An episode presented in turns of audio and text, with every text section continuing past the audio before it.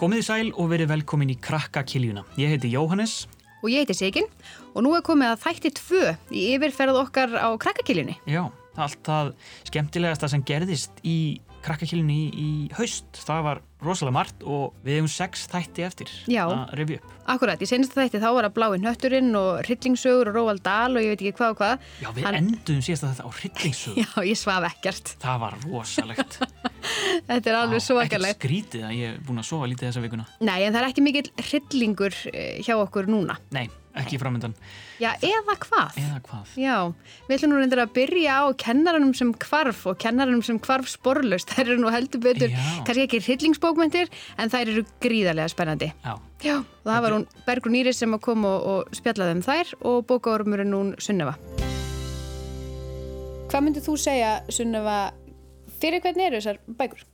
Mm, ég veit ekki alveg. Þær eru kannski fyrir svona kannski átta til að átta og upp úr því eða eitthvað þannig. Já. En ég les þær fyrir minn fimm ára. Hann er búinn að heyra þær. Þær eru eiginlega fyrir alla sem þóra. Það er ekki bara að segja það. Ég- Já, emmi. Þannig að það er líka hægt að lesa fyrir þá sem eru ekki Já, byrjað að þau- lesa. Áttar geta að lesa þetta sjálfur. Já. Yngri þurfa kannski að hafa einhvern fullarinn nálægt Já. ef þeir verða rosalega hrættir. Ég er nefnilega svolítið að hugsa með það. Já, akkurat. Þær eru svolítið spennandi. Sko. Já, en hver er svona helsti munurinn kannski á bókunum? Umhverfið og það segir önnur persónu sögunar. Það ger að söguna, það gera þær alveg freka mikið álíkar. Já. Það er tvent. Ymmit. Það er nefnilega svolítið margt eins í þeim. Krakkarnir eru saman, kennarinn hverfur, þau eru ekki, með, eh, eru ekki í hérna, sambandi við neitt fullorðin, þannig að það er alls konar svona eins og gátur, en samt er þetta algjörlega gjörólegt. Hvort er meira spennandi? Mm, áttu við hver bók? Já.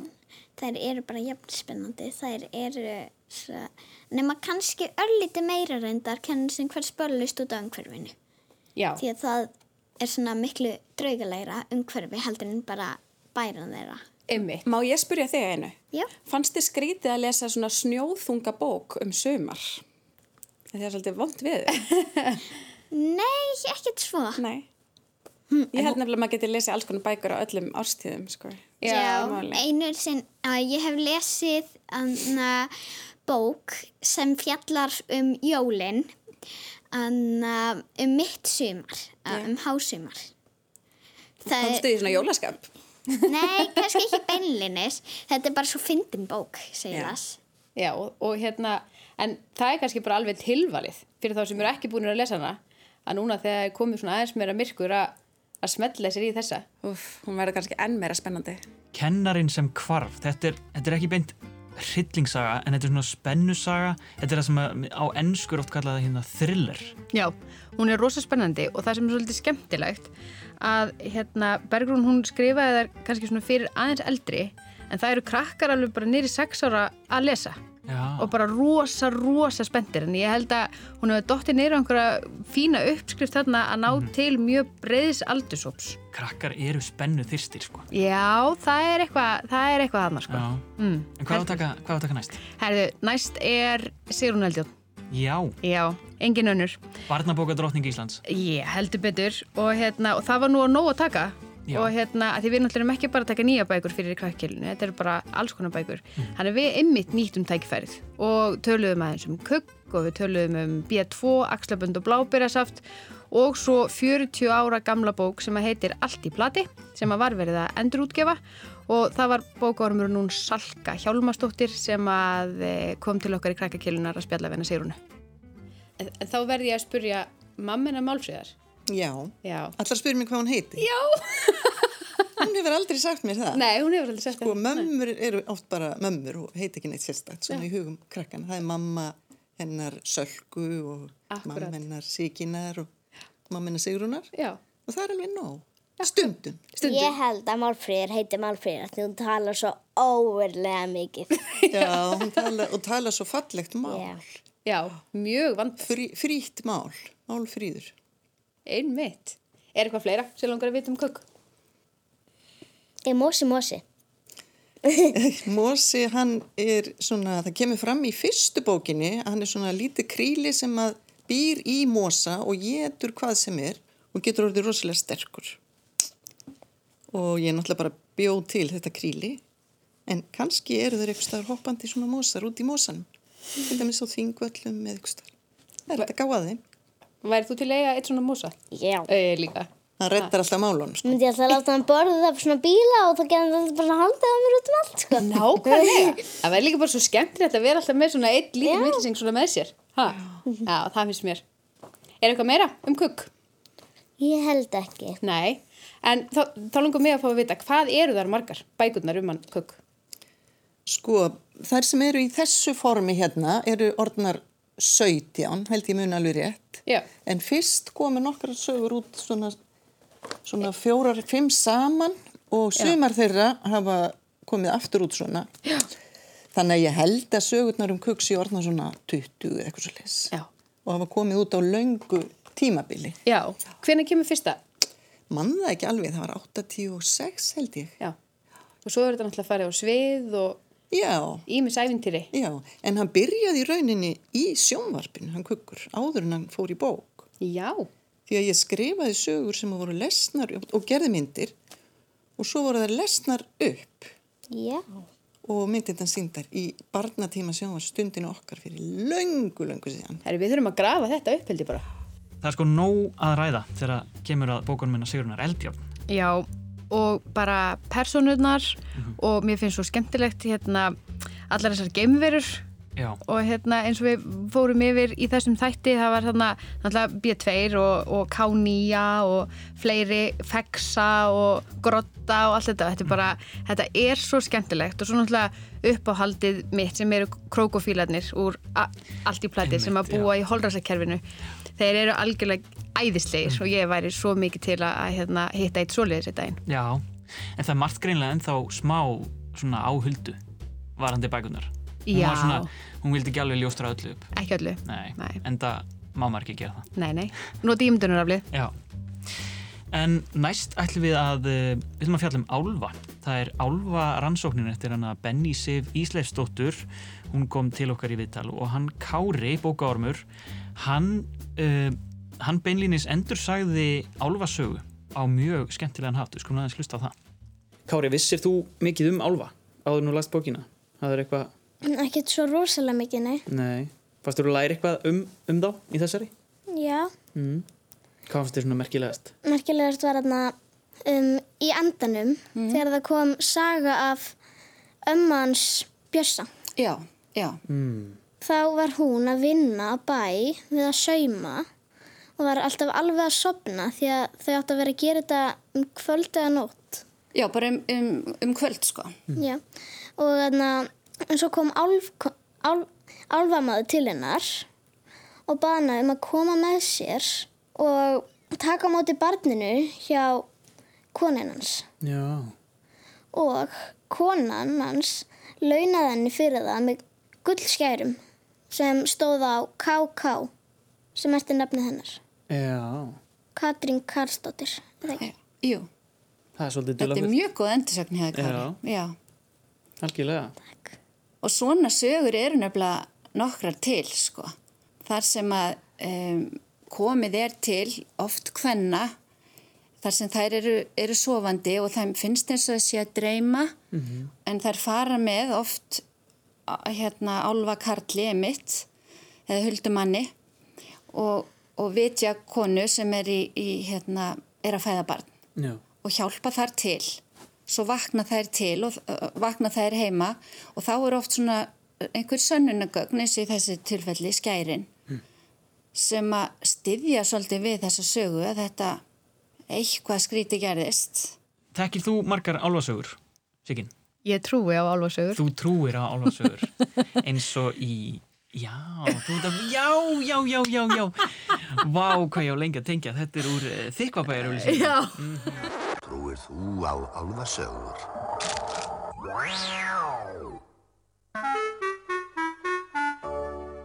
álfur og tröll og allt þetta, ég meina það er enginn búin að afsanna að þau séu til Nei, segðu Og mm. til alveg hellingur af sögum um álfa Já, mjög skemmtilegar En þetta, þetta voru íslensku álfanir Já. Við eh, ætlum að, uh, næst ætlum við að færa okkur um set Við ætlum að fjalla um finska álfa Já, uh, sem heita Múminálvar Já, og þeir búi í Múmindal já, og við fengum uh, hálfgerða Múmin fjölskyldu uh, til þess að koma til okkur í heimsók og segja okkur allt um íbúa Múmindals ég ætla að ný- nýta tækifærið áður en við skiptum yfir á þau Mhm. Þú ert múminnörd, Já, svolítið hver, hver er uppáhalds? Sko, það er alltaf í grunninn snúður, ég tengi alltaf mest við hann, en svo eru það persónu sem heita Þöngull og Þrasi á íslensku, eða Tofslan og Vifslan á, á sænsku.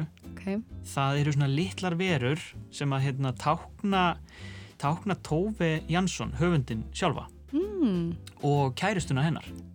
Og það, sko, þeirra samband er svo skemmtilegt. Það eru alltaf að bera með sér svona tösku og eru svona eins og auka personur en það í mínum augum er algjöran aðal personur sko.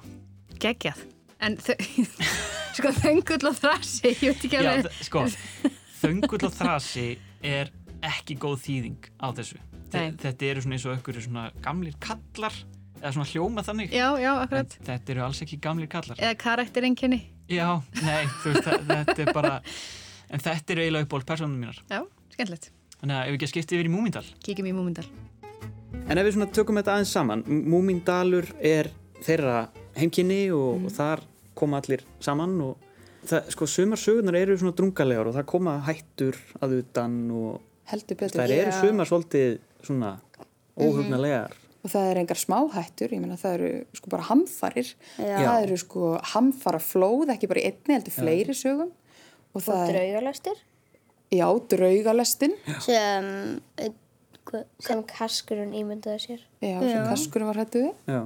og svo náttúrulega sko þeirra ringdi stöðugt í átta vikur já. Mhm. og Mhm. skemmtigarður mm -hmm. heimúla næðilaðist og svo náttúrulega halastjarn Halastjarnan, já. og galdrakarlinn, hann er kannski ekki kannski ekki sko náttúruvá en, en hættulegur samt sem kemur að sækja konungsrúbínin Mhm. Já. já, En Múmindalur er alltaf svona greiðarstaður. Já. Já. Það er kannski svona það sem að einhvern veginn dregur allar sögurnar svolítið saman. Já. Það er svona að, að eiga starf heima og eiga góða að. Já.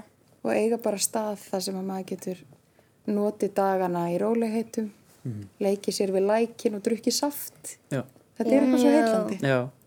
og einmitt mikilvægt að eiga stað þar sem að allir geta fundið sig og allir mega vera bara eins og þeir eru sko þetta er finnst mér svona kjarnin í sögunum um Múmindal það Mhm. eru, það er fjölbreytileikin það mega allir vera eins og þeir eru og það er svona, það er svo mikilvægt að eiga svona samastað, heimili, Já. þar sem þú getur alltaf leitað, leitað til ég bara, Þetta er ég náttúrulega bara hinn fullkomni ég bara heimur tárast hérna, Nókulega En það er indislegar sögur já, og síkildar Já. alveg, en úr Múmindal yfir í já, bara upp á hálendi Íslands við viljum að fjallum bók sem heitir Fjallaversmið Íslands og hún er eftir Kristínu Helgu Gunnarsdóttur og þetta er svona kannski sagan fyrir elst, eldri, eldri krakka, aðeins eldri krakka Mhm.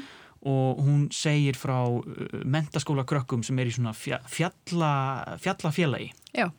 og komast í hann krabban um, hún Elisabeth Heiða, bókaormur hún uh, las þessa bók og sagði okkur svolítið frá henni sko sem sett í byrjun þá er talan það að sem sett strákur, einn strákur hann að Móri hann fer í vinna og s- ein- vinkun hans sem að hann vinna með Emma, hún er í bát líkjandi og meðutundarleis og ískald þannig að já, Þetta er svolítið drungaleg byrjun, Kristín.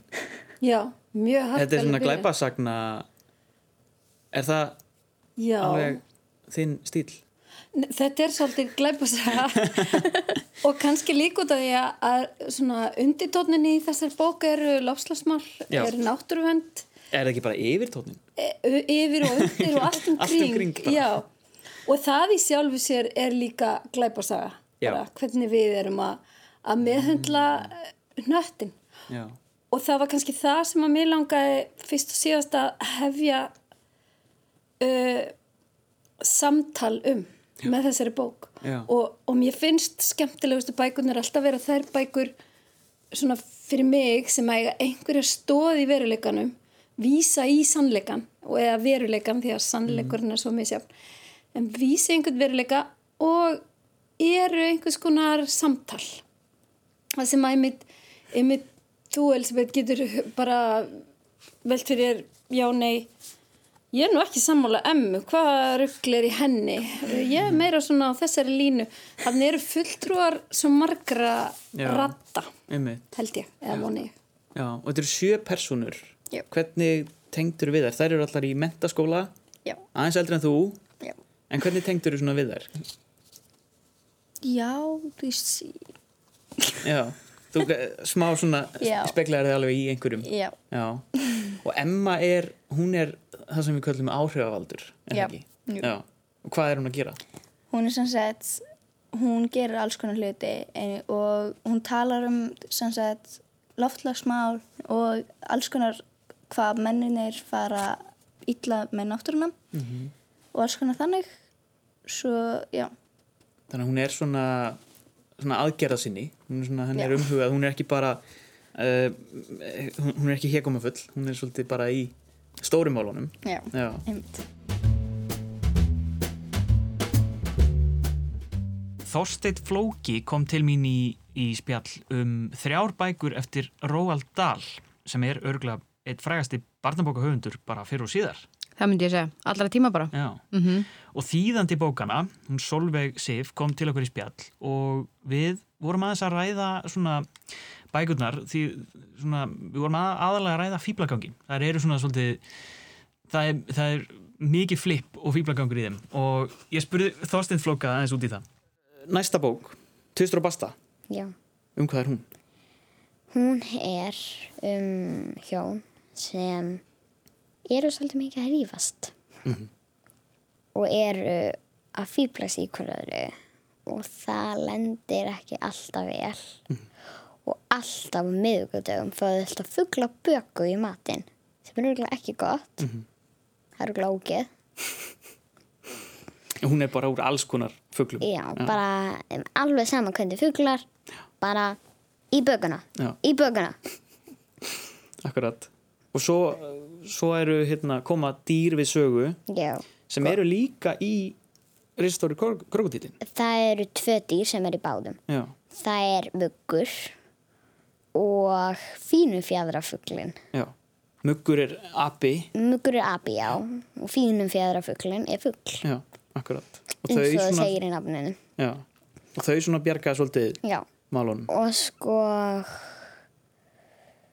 um, í þessu stóru krókunilum þá eru ababötnin og malla örgulega líka þarna, en bara, þau bara kom ekki í bókina. Mhm. Já. Já, akkurat, akkurat. Og þau vi- þurfa að hefna sín svolítið á þessum hjónum. Já, Tvisti og Böstu.